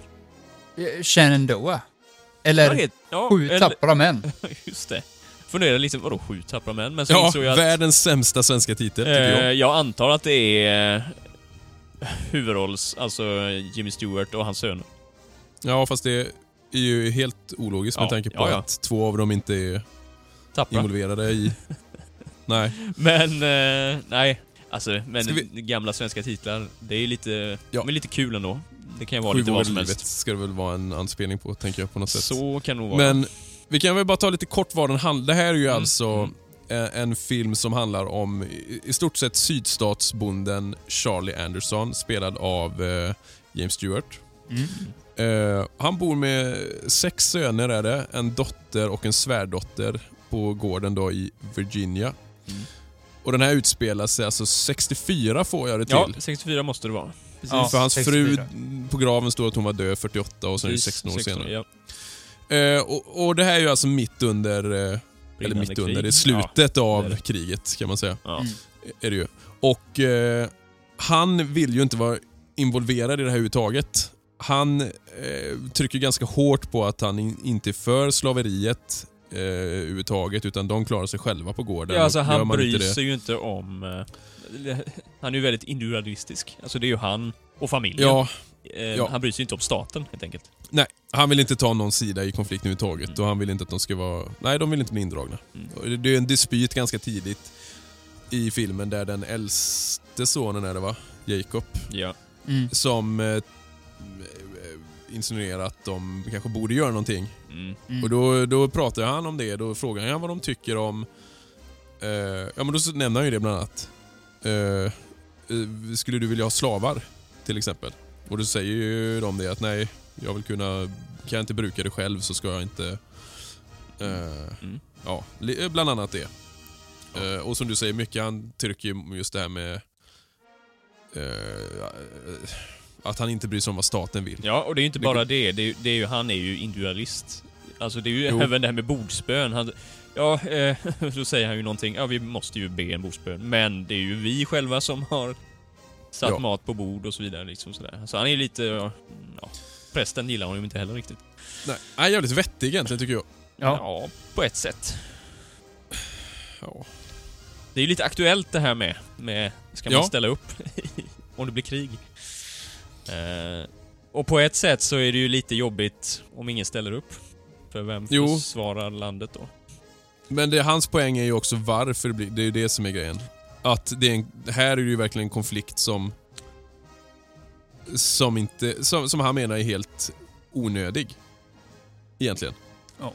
Ha- Han, har, han vill inte skydda något för han, han, inser, eller han anser att han inte har med konflikten att göra. Utan att han råkar bara bo där i mitten där ehm, han blir berörd av konflikten. Men sen kommer ju konflikten dit i och för sig. Så Jo, då blir det, och det är väl det som ja. är lite Ja. kontentan av filmen. Ja. Ehm, jag tänkte bara säga, jag tänkte på tre personer som är med i den här filmen som är lite Ja. intressanta. Vet, eh, kan ni tänka vilka jag syftar ja, på? alltså det beror på intressant på vilket sätt. Alltså som karaktärer eller överhuvudtaget Nej, absolut inte som karaktärer. Nej, då, då tänker jag ju antagligen... ja, Dels kanske det är James Stewart själv eller? Nej. Okej, men då är det väl Patrick Wayne antar jag? Ja, Alltså John, Waynes son, bland annat. Och sen så är det ju Harry Carey, Junior. Ja, exakt. Eh, Blink and you miss it. Men Ja, vem det är missade den jag. tredje? Det tog ett tag innan jag fattade, men det måste ju vara... Alltså Harry Carey måste ju varit den här sydstatssoldaten som... Som eh, finner eh, träffade- Boy. Ja, alltså som är en utav de som är med där. Det är ju inte hans... Eh, han som eh, hjälper honom Nej, fly. inte sydstat. Det var väl jänkaren? Nej. Han var väl jänkaren som tog Boy? Nej.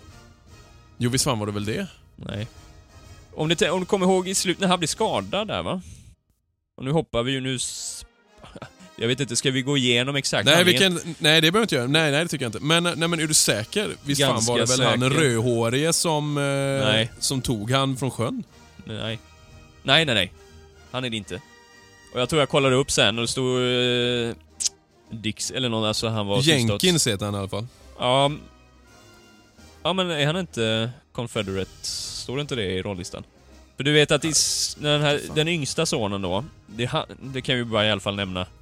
Han, eh, tidigt i filmen så plockar han ju upp en sydstatsmössa Ja. eh, på sjön, eller på eh, floden.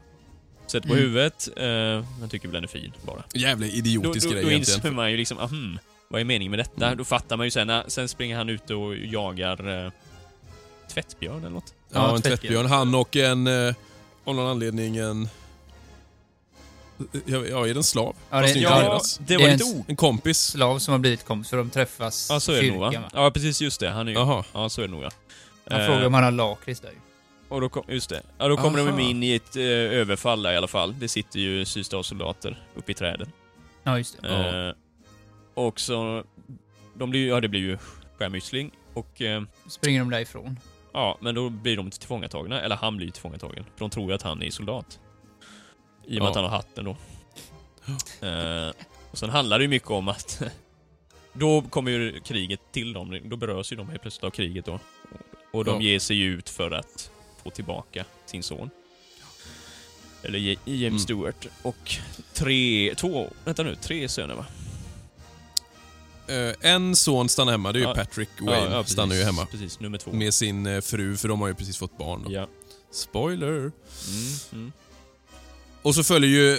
Dottern följer med också, för hon påstår sig ju vara, vilket hon förmodligen är, det visar sig ju alltså bättre på att skjuta och rida än de andra sönerna. just det. det gör de ju en grej av, det kan man också tänka på, med tanke på att det är relativt tidigt ändå, det är 65, och man gör en poäng av att, eh, vad heter det? Eh, förstärka hennes karaktär, känns Mm. det som. Mm. Ja. I, I min värld är det ganska, Hon prickar en, eh, en Derringer i handen på... ja, Ja, just det. en uh, sydstats, de ska ju indriva... Ja, de ska konfiskera eh, ja, deras hästar. djuret. Hästar. Mm. Ja. Och sen utbryter en liten clownartad eh, slagsmålsscen. Lite John Ja. Ford eh, i hans kanske sämsta sida på ett sätt. Ja, lite, lite sånt eh, John Ford-humor. Alltså, lite, Jag, jag, jag tycker lite David. Crockett, eh, Disney... Ja, det, Fight. den yngsta sonen hamnar i vattentråget eh, 15, 16 gånger Sext- någonting. Ja, Till slut är det inte jätteroligt. Nej. Kanske första gången. Jag trodde att pappan skulle knuffa ner honom i vattnet igen. När, Ja. det var färdigt. Utbrottet av slagsmålet var lite kul dock, när han eh, hindrade, eh, vilken är det äldsta sonen, för att Ja. slå till eh, boskapshandlaren. Sen gör han Ja. själv. Men jag, jag tyckte det var ganska... Ja, bortsett från den där vattengrejen då, så tyckte jag ändå det var, det var lite så här smårolig. Mm. Alltså. Fighten, fighten eller filmen? Ja, filmen överlag. Ja, alltså, Ja. Små inslag så här som är lite Mm. halvroliga. det som vi kanske pratade om innan, att den kändes lite seg, alltså lite lång. Den var, jag kollade det inledningsvis, hur lång är den egentligen? 1.45? Det, jag tänker, det är inte sådär superlångt. Men eh, jag kollade ganska ofta hur mycket tid det var kvar på filmen, alltså, för att... Eh, ja, lite långsamma scener så. Ja, För mig var det ju tvärtom, för jag, jag hade ju inte kollat hur lång den var. Jag hade inte ens kollat vad den handlade om. Mm. Och på min Blu-ray, så sagt, jag kan ju inte se tids... Jag, när jag pausar så ser jag ju inte den här linjen. Nej. Så jag, satt och kollade med Erika igår och sa att fan, vi måste ju kolla till tre timmar nu. och då var den ju inte ens nära slut. Det kändes som, som en riktig sån här mastodont... Ja men krig, gammal krigsfilm, eh, mastodontversion. Och inte med det sagt att den är dålig, men den kändes... Nej. Det kändes, den kändes lång. Mm. Verkligen mycket, Ja. mycket, mycket längre än tiden som angavs. Ehm, Ja. Men jag, ja, alltså den stora behållningen tycker jag ju. Jag tycker att James Stewart gör en skitbra insats. Tycker, han är en jäkligt bra skådespelare. Och han har, han, som jag sagt, han äger, som ungdomen säger, varenda scen. Eller varje motspelare. Det- Jag tänkte på det flera gånger där. När han spelar mot någon annan och har ett samtal eller någonting liksom, så... Han gör ju saker hela tiden. Eh, Det känns organiskt och äkta på något sätt. Tänker du på det? Mm. Mm. Alltså han... eh, Det, det känns ju som att han eh, hittar på lite för stunden. Alltså han improviserar en hel del när han pratar lite grann. Mm. Det känns väldigt äkta, gör det. Väldigt genuint. Och även känslouttrycken, alltså när han blir ledsen, då, då blir jag ju också rätt ledsen. Alltså det är ganska sorgligt i slutet får man väl säga. Ja. Ja. Eh, när han står vid graven där. Jo. Han har ju ett väldigt brett spektra. Alltså, Ja, om, om man ska jämföra... Mm. Nej, men om man ska jämföra han med den här tidens stora eh, västernstjärnor, som till exempel John Wayne. Eh, jag tycker att James Stewart har mycket, mycket, mycket större palett. Eh, jag tycker han, om, eh, de filmer jag har kollat med John, John Wayne och filmer jag har kollat med James Stewart, om jag ska jämföra vem som har bredast palett och kan spela flest olika Ja, han spelar ju fler olika... mood. Mm. Ja, men Alltså, frågan jag- är, jag ändå tror du inte det att han har- väljer att göra det? Ja, jag vet inte. Jo, han- alltså han har... Jo, han har något, men jag tycker inte alls han har samma... Och Fonda är med, han, har- han är ju också bra. Alltså han är ju verkligen top of the line. Fonda och Ja, Stewart är ja, ju, och jag tycker ändå, alltså han... Sen kommer han inte alltid till, till sin rätt. Han spelar ju väldigt ofta samma karaktär, men det gör ju i och för sig Stewart också väldigt ofta. Inte här, här spelar han faktiskt en, lite av en annan typ av karaktär än vad han... Han är ju ofta en sån här, vad ska man kalla det? Ofta en akademiker eller någonting. Nu tänker jag ju kanske rakt av på... eh, Liberal, Liberty Liberty Valance, som mm. alltså på något sätt tvingas... Alltså han eh, undviker konflikter, det gör han ju nästan alltid. Det gör han ju även här egentligen. Eh, och sen så kommer det till någon punkt där han bryts ner eller liksom tvingas gå in i en konflikt. Och bli Mm. liksom mer eller mindre besatt. Det är ju ofta Ja. hans karaktär. Men sen har du ju Bandalero till exempel också. Där har han ju en helt annan roll. Exempelvis. Mm, jo. Visst. Så jag, jag menar, Ja, ja, ja. Jag, jag, jag tänker det. Alltså om vi ska säga så här då. Clint Eastwood, han har ju liksom en eh, centimeter lång bredd på sitt... Eh, på sin palett. Däremot är han jävligt cool. Det tycker Jo, jag. Jag, jag Ja, gillar honom mycket mer än John Wayne. John Wayne skulle jag säga har en decimeter. James Stewart jämförelse skulle jag säga har en meter, minst. Jag tycker han har mycket... Fonda då? Ja, jag har inte sett så jättemycket Nej, med det. Jag kan inte Men uttala mig. Är, nej, jag, det är svårt. De är ungefär i samma klass tycker jag. Kanske att Fonda till och med är snäppet bättre. Men eh, ja. Men vad sa du Oskar, du tyckte att den var, alltså... Ja, Jag gillar den här filmen. Ja, Mm. Det, ja, som sagt, lite segt i början. Ehm, Mm. Men eh, det räddade upp eh, hela alltet efter det här att han eh, har blivit kidnappad. Ja. Men hur ser du på Stewart till exempel? Skådespelaren? i- Frågan är om jag har sett han... Nej, jag tänkte säga, har du verkligen sett han i så mycket? Nej, annan? kanske. Ja, jo. Jag tror fan inte det. En film har du sett i alla fall. How? Hade West Was One, ja. Aha. Fast det är ju ja. i väldigt liten roll, men... eh, Ja. ja. Men inte som huvudroll har jag nog inte sett han i någon annan film. Nej. Nej, och det här är ju ändå senare i hans karriär också. Ja, fast den är ju... De är ju ungefär samma tid. Det är ju fem år Jo, men jag menar... eh, Ja, ja. Jag, jag tänker som en leading man liksom, ja, så ja, är det ju... ja. ja, precis. Det, men det är ju slutskedet. En 70-talet rolig fick han ju Ja. inte så många. Ja. Jag köpte den här filmen endast för att James Stewart var med och jag har inte sett Ja, en enda film med James Stewart. Ja, förutom den. Nej, men Nej. jag tyckte den var jättebra faktiskt. Alltså, Mm. inte så här superfantastiskt bra, utan mer... Jag har börjat Ja. inse det, att sådana här 50-60-talsfilmer, det är nog min typ av... Alltså det här, bara... Mm. Jag vet inte hur jag ska förklara det. Alltså jag ser det alltså en typisk westernfilm. Mm. Där det är lite drama, lite, lite humor Mm. och sen i, inte så här fruktansvärt mycket fighting och skjutscener. Alltså, det låter ju som John Ford är din regissör egentligen, för det är ju exakt det han gör i sina filmer. ja. Faktiskt. Det... Ja. Sen kan ju vissa filmer vara lite sega så, men... eh, Mm, du har nog mycket Ja. att upptäcka där, tror jag. D- däremot skulle jag... Jag håller ju inte alls med att det här... Jag, jag tycker ju verkligen inte det här är en typisk westernfilm. För mig är det här nästan raka motsatsen. Ja, alltså... Jag, det är ju jag, skulle säga, jag skulle säga både och, faktiskt, i det här fallet. När jag tänker typisk westernfilm för mig, Ja. då är det så här SVT klockan eh, halv tio på en eh, tisdag morgon liksom. Matiné... Ja, Mm. Mat, matinévästern liksom. Ja, Ja. Mm. Då, då, då har vi inte berört filmens stora tema som verkligen Ja. inte är klassiskt västern, utan är verkligen tvärt emot. Och det är det som är väldigt 60-tal, eller 70-tal egentligen. Och egentligen Ja. anti-västern. Och det är ju Ja. antikrigstemat som är jävligt tydligt ändå. ja, Eh. antikrig och humanism är ju egentligen de två stora centrala, ja. tänker jag. Mm. Och nu måste vi tänka, nej det här är 65, ja. när började Vietnamkriget? Ja, det är ju... Det, har, det är ju ja för det, jag läste Sex- någonting om det också. Vad fan är det nu då? Ja, Det är alltid så svårt. Är det till och med 50-tal eller är det bara på 60? 60... Är det eller? Koreakriget är väl Ja, det är ju 50. tidigt 50-tal. Ja, men det... det men det, det, men jag tänker att upptrappningen det- är ju det- redan 50... Ja, skitsamma. Ja, det är ju den eran i alla fall när man börjar motsätta sig det, Ja, ja. känns det som. Helt och det, klart. det, Ja, det men är så är det. himla tydligt. Allt handlar ju just kring det här, vad onödig konflikten är. Eh, och det här du är inne på också, alltså har man en plikt att fullfölja, vad bör man göra, vad leder det till om du följer? Mm. Eh, jag, jag tänkte också nu, utan att spoila för mycket, om, eh, om James Stewart och company hade stannat kvar på gården, Mm. då hade filmen fått en, ett helt annat, ett väldigt, väldigt lyckligt slut. Ja. Mm. Ju, för det de gör... Nej, vi ska inte gå in på det mer. Men eh, jag, jag tänker till exempel, i alla fall det här med eh, humanism också, hur man är alltså eh, som medmänniska. Jag tänker, eh, James Stewart har ett tillfälle mot slutet av filmen då han i blint raseri tänker döda en ung soldat genom att strypa honom till döds. Mm. Men väljer att inte göra det. Väljer att se liksom, minns att jag gjorde det här, alltså att jag skonar dig, minns det om du hamnar i en liknande situation. Eh, det handlar ju mycket om det liksom. Mm. Ja, ja. Men Eh. det är ju antikrigs... Jo, Det, är- det är ju bara... Det är ju precis det handlar om. men det är väldigt Eh. speciellt att se det i en westernfilm. Ja. Mm. Som sagt, jag upplever det inte, alltså... Det, det, det som håller tillbaka den här filmen lite för mig, det är ju att det, här, det kretsar ju också kring mitt hattema när det gäller westernfilmer. Kriget. Ja, inbördeskriget. Jag tycker det är så jävla tråkigt alltså. Mm.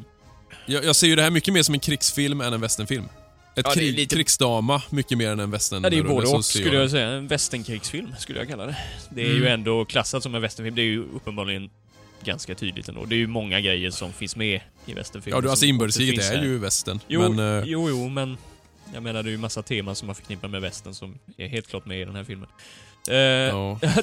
hur, hur reagerar ni på... eh, ja, nej men alltså historiskt korrekt. Reagerar ni på det? Hur eh, Eh, såg det egentligen ja, ut? Alltså vissa hattar var ju det. Alltså, Alltså jag, jag såg ju precis min på... hatt. Japp, jag Ja. tänkte på att sö- sönerna där hade ju mer eller mindre Boss of the Plains. Sen hade de lite stukat på Mm. sidorna, alltså själva Ja. bettet då, men eh, kronan såg ju ut som Boss of the Plains. Ja, Ja, och stadskläderna, alltså när de hade Ja, stadskläder generellt tänkte jag på. rätt bra alltså, tror jag. Det är Vapnen. väl byxorna framförallt. Ja, vapnen vet ju fasen. Jag inbillar mig, jag tänkte inte på det, men gevären var väl helt klart för det mesta okej va? Det var väl inga... Jag bara funderar på dem... eh, Och med sönerna, vad hade de för gevär när de eh, stoppade tåget där? Tänkte ni på det? Nej, det tänkte jag inte på. Jag spanade lite sådär halvhjärtat Slaglås men... såg det ut va? Ja men det var nog det. Alltså jag, det känns spontant som att man har lagt ner lite tid ändå på... Jo, det få kan det det vara. hyfsat korrekt ändå när det gäller kläder och... Jag, jag tänker att han, alltså regissören bakom, han har ju gjort, eh, nu heter han, nu ska se, Andrew V. Mac, McLachlan, eller McLachlan. Mm. Han har ju regisserat Ja. mycket västern. Han har gjort eh, Bandalero, han har gjort eh, McLintock, han har gjort eh, The Way West. Sen Mm. har han ju även gjort eh, Gunsmoke och Rawhide för TV, så han har ju gjort mycket. Okej, Eh. okej, ja. ja. men jag läste någonstans att han eh, väl har John Ford som någon slags idol. Och det Ja, märks jag till viss tänkte på det, del. vissa vinklar och så här. Ibland, jag tänkte på det ibland. Eh, sen tänkte jag att en grej jag funderade mycket på. Mm. ibland är det jävligt udda val av när en viss person till exempel eh, får ett svärd i magen. Ja, ja, eh, ja jag tänkte Eh, det är ju som något någon har filmat hemma, så här komedi, bara, inzoomning. Eh, vissa, vissa val var lite udda. Hade ni läst om att det skulle hända det där eller? Nej, nej, Nej. nej. Kom det otippat? Ja, Ja, lite. faktiskt. Mm. För det, det, det blev, helt plötsligt blev det mörkare än vad det... Ja, precis. Nu hade jag tyvärr råkat läsa detta. Det var inte så bra. Mm. Så det, det förtog lite den eh, händelsen där, för jag har lite svårt att få ett första intryck där jag blir förvånad. För jag menar, det, man fick ju inte riktigt intrycket av att det skulle sluta så illa ändå. Nej, Eller hur? utan att säga för mycket. Nej, precis. Nej, precis. Det, för det, den har Det- ändå ganska, den har ju ganska lättsam ton nästan genom, även om det är Mm. ett tungt och liksom större tema, så har de, vi, ni var inne på det, Oscar du pratade om tidigare, matinés, alltså Ja. Ja, men... en söndagsfilmsmatiné eller något sånt där. och John Den har- Ford-humor på något sätt ändå. Ja, men Som däremot John funkar. Ford-filmerna tycker jag ofta är, där är ju mer, där kan det vara mer ödesmättat än de John Ford-filmerna Ja, ja, med små inslag. är det ju det, men det är komiska inslag, ja. Så är det ju. Jo, här, här upplever jag att det var ganska mycket komik. Alltså ändå. Eh, jag upplever det som en lättsam film. Men, men så kommer de här liksom... Det är den Ganska överhängande... sent ändå. Mm. I filmen, är det ju. Den... Nej, men det är kommentarer till Boy och det är massa jo, små jo, hela tiden. jo. Jo, det är sant. Många kommentarer. Det är nästan, nästan rakt igenom hela filmen. Mm. Har du ju. Det är, ganska- det är därför det blir så förvånande. Jag tänker till exempel han killen som blir skjuten i huvudet på... eh, Ja, just det. Ja, just det. stridsfältet. Det, det kom väldigt... Man bara oj. Ja, det var ju han eh, som hjälpte honom där va? Mm, Mm, precis. spoiler. Ja, mm, jo. Nej men... ehm, eh, helt klart sevärd film. Alltså Erika såg ju klart hon brukar ju inte gilla såna här filmer alls. Egentligen. Eh, V- vänta nu, vad är såna här filmer? Gamla västern. Fast den här är ju som sagt, som vi har konstaterat, eh, klassen är som en gammal västern. Ja, 60-talet Jo. är väl kanske gammalt nu, men... Kollar helt... du inte mycket på film, om du inte kollar på mycket film överlag, så klassar du ju absolut 60-tal som gamla filmer. Ja, men jag menar, om du ser till genren så är det ju ganska... Det händer ju mycket på 60-talet. Det är ju det här... Jo, jo, jo visst. Men sen, sen skulle inte jag kalla det här rakt av en anti-westernfilm riktigt heller. Du har nej, teman. Nej, nej, nej. Du, har, du har mycket klassiska teman också i den. Ja, nej, jag, Eh, så den är, lite, den är lite svår att klassificera egentligen, den här filmen. Den är väldigt på speciell. många sätt. Den är liksom ur sin tid. Ja, det är jätte, ja, jättesvårt alltså. Alltså väldigt se, jag tycker att det var en väldigt sevärd film. Eh, mm. Alltså jag vet inte om jag kommer se om den, det kommer jag ju säkert, men... eh, det, det roliga var att jag... Det är nog första gången någonsin som jag ser en film, i alla fall en westernfilm sen de- den här eran började, som jag inte vetat någonting om den. Jag hade ingen aning om vad den handlade om överhuvudtaget. Ja, jag har nog råkat läsa Nej. lite där. Men jag, jag trodde ju att, ja, jag hade läst om att det handlade om inbördeskriget. Men sen så läste jag någonting som jag tolkade helt annorlunda, att någon son skulle välja sida och det skulle bli en konflikt i familjen och det blev det ju aldrig riktigt egentligen. Nej. De hade lite grann betänkligheter liksom i början där, men de rättade sig in i ledet ju. Det var ju inget direkt konflikt så. Eh, jag, jag vill också bara säga det att egentligen känns det jävligt onödigt att ha med så många barn. För många av dem spelar ju faktiskt ingen roll. Ja, fast Nej. det är väl mer kanske... De gör ju en poäng av att han har jättemånga söner och ingen Jo. ställer upp i kriget. Ja, jo. Det Jo är ju en visst, viss visst. poäng. Så, Och det var ju inte helt ovanligt att du hade väldigt många barn, så att det är ju bara trovärdigt. men är de inte väl gamla för att bo hemma, tänkte jag. De Ja. jobbar ju där. Ja, Allihopa. det, alltså det kunde ju jobba tills du och sen kanske först hade du råd att gifta dig när du var runt 30 så att det funkar ju helt klart. Men, det var ju det. Det var ju en person till då. Ja. Simon, du borde ju känt igen honom. Jag måste bara tänka här nu då. Ja, Eh, ja, det, det var inte Nordstatsgeneralen. jo. Ja, han i... Ja, jag, jag är osäker på om det var han, men det är Jo. han... eh, Ja. vad Han i tältet eller? Ja, Nakna pistolen. Ja, George Kennedy. Ja. Mhm.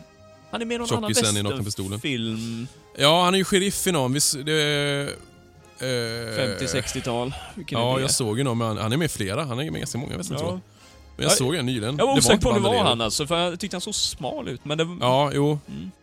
Men eh, tyckte jag kände igen honom mer i den andra filmen. Men jo, jo precis. Jo, det var väl han. Okej. en, en rolig annan grej också är att den här, han som skrev screenplayen till den här filmen då, han eh, gjorde ju om den här till musikal tio år senare. Så 75 kom det en musikal som gick ganska bra tydligen. Ja, det ja. läste jag någonstans med. Ja, Ja. just det. Kan man tänka sig. Alltså storyn i sig är ju ganska lämpad för en sån... Absolut. Ja. eh, ja, ja. Men, Den har, den har ju varit nominerad till en Oscar och vunnit en eh, Golden Globe. Vad För- den är nominerad till vet jag inte. Nej, jag jo, men det läser var bara typ på omslaget. Från bok till, alltså f- bästa bok eller... Ja men var inte det musikalen? jag var vet det inte, filmen? alltså, nej, jag, jag har ingen aning. Jag kollar bara på omslaget på Blu-ray. Ja, jag tror det var... eh, f- f- alltså f- bästa screen... Ja, typ motsvarande screenplay tror jag. Okej. Något sånt. Ja. Mm. Mm. Men om, om vi ska landa i lite betyg då. Eh, Simon? Ja, det var väldigt svårt. eh. Nej, men eh, jag har legat och pendlat runt tre. Ehm, som sagt, jag... Den har passager där den är lite seg. Det drar ner det lite grann. Men sen, å andra sidan, har den passager där den är ganska stark som film ändå. Alltså känslomässigt stark, tycker jag. Ja. Eh, vilket höjer den desto mer då. Men jag tror jag bestämmer mig för tre och en halv. Ändå. Ehm, mm. Emil? Ja, för mig är det en ganska solklar trea. Tycker den var, den var, men den var, den var bra. Men jag är också inne så, som Simon sa att ibland är den eh, rätt trist. Och för mig återigen, Ja, alltså så inbördeskriget. Det, det räcker ju att det är det liksom för att jag ska... hoppa ner ett snäpp i betyg. Ja, men äh, tyvärr, tyvärr. Eh, men James Stewart gör det ju jävligt bra, som sagt. Eh, ja, mycket... jag tycker att de andra, de flesta andra skådisarna tycker jag är rätt träiga dock. Ja, Många alltså, det, jag tycker det var väldigt blandat där. Jag reagerar på att vissa, alltså som han... eh, Nu ska vi se. Ja, är det Sam? svärsonen. Han, Mm. var han bra skådespelare eller inte? Antingen var han jävligt bra, eller så var han jävligt dålig. För att... Jag vet inte, han, hade, han var jävligt uttryckslös. Ja. Liksom tom Men det tycker blick. jag typ de flesta sönerna var va? Alltså även eh, Patrick, Wayne tycker jag var Han hade ju väldigt liten träig. roll i och för sig, men... eh, han har ju ärvt sin fars träg, träghet kan man säga. Han har ju väldigt liten roll. Eh, och sen, jag vet inte, var han pojken så dålig? Jag tyckte du sa det va? Men ja, jag, jag tyckte han var lite lökig sådär. Men Ja, framförallt tyckte tyckte jag han att... Eh, okej.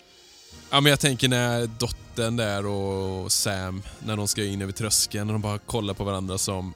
Det var som att, okej nu ska vi Ja. ska ta skilda världar, nu ska vi ta den här blåa... Ja, det var nog lite varierat skådespeleri. Men sen som sagt, så Ja. han, jag har ingen aning om vem det var, men jag tycker läkaren var bra. Han hade ju ingen jätteroll. Ja, prästen tyckte jag också var rätt... Ja, ja, jo, Mm. förvisso. Björling. Just det, Ja. Björling. Nej men ja. en, en, en, trea gör den. Mm. Mm. Jag, jag kan ju tycka om de här filmerna som handlar om inbördeskriget. Mm. Men Mm. det är inte bara konstant inbördeskrig, alltså inte i den miljön liksom att det är... För det är det ju hela tiden. här. Nej. Nej. Nej. Och då kan jag tycka det är bra filmer. Mm. Ehm, det drar ner li- lite kanske, men jag tycker det, det som är bra väger upp för mycket. Mm. Eh, Tillräckligt. Så- ja, tillräckligt mycket så att jag ger den en fyra. Ja, Oj, ja, Mm. kul. det är bra. Fyra, tre och en halv. Ja, men det ligger ju rätt samlat ändå, får man väl Ja. säga. Ja. Mm. Eh, jag tyckte också det var kul att man fick höra ändå Shenandoah. Ja, den är, eh, den är fin. Det är Ja. väldigt bra. Eh, och då kan man ju säga, va- varför heter filmen Shenandoah? Jo, det var väl gården som hette Shenandoah... Shenandoah Gump eller Trump eller något Ja, sånt någonting sånt. Och var, varför heter den Kunnian Laxo? På finska? Ja, den, li- det, det gränsar ju till Laxå va? Ja. Eller Flamme över Virginia. Det är också spännande. Ja. Det är helt andra titlar liksom. Men i Sju temperament som sagt, där kan vi ju... Ja, det- Ja, det vet inte fan om så jävla Alltså jag tuffa. saknar de där påhittade svenska titlarna faktiskt. Jag tycker de borde köra mer sånt nu. Ja. Liksom något helt annat. Ja. Jag tycker det blir... 1883 i Sverige känns som 1862. ja. Eh, så vi kan väl nämna det här med Playpilot kanske? Ja... Mm. Ja, Play och- och- Pilot. Börja ja, Play Pilot. Ja men det här betyg... Ja, Oskar du får ta det. Ja, det, det var, vi fick ju en lyssnare som eh, skrev till oss och frågade om vi inte kunde skaffa det här Playpilot. Mm. och det- det var min gamla elev Johan, jag hälsade till honom. Hej! Och det är ju alltså... Är det som Goodreads eller? Typ?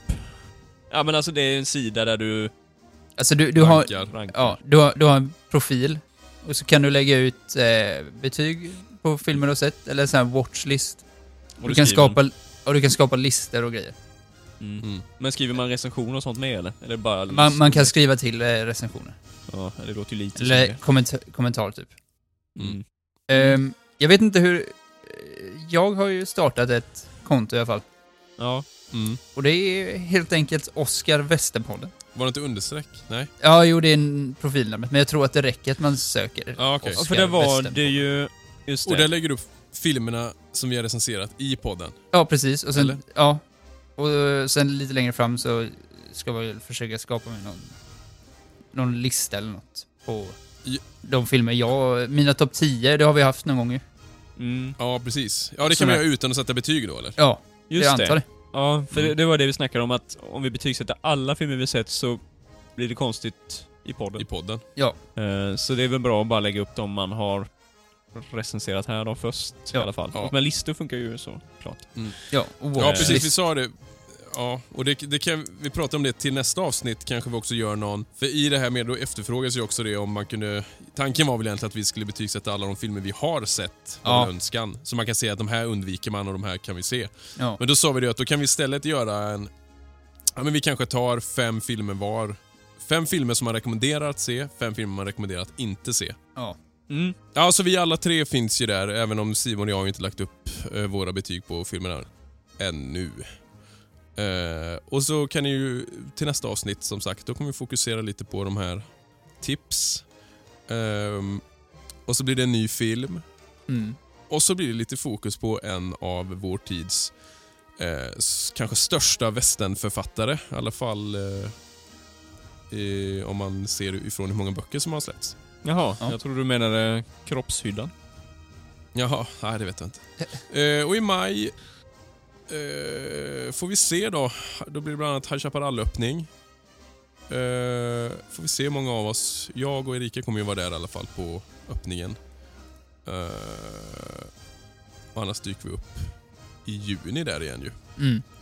Får vi se om vi träffar på några av er. Mm. Ja, med det sagt så vill vi att ni ska ha det bra och eh, don't eh, drink and horse. Jaha!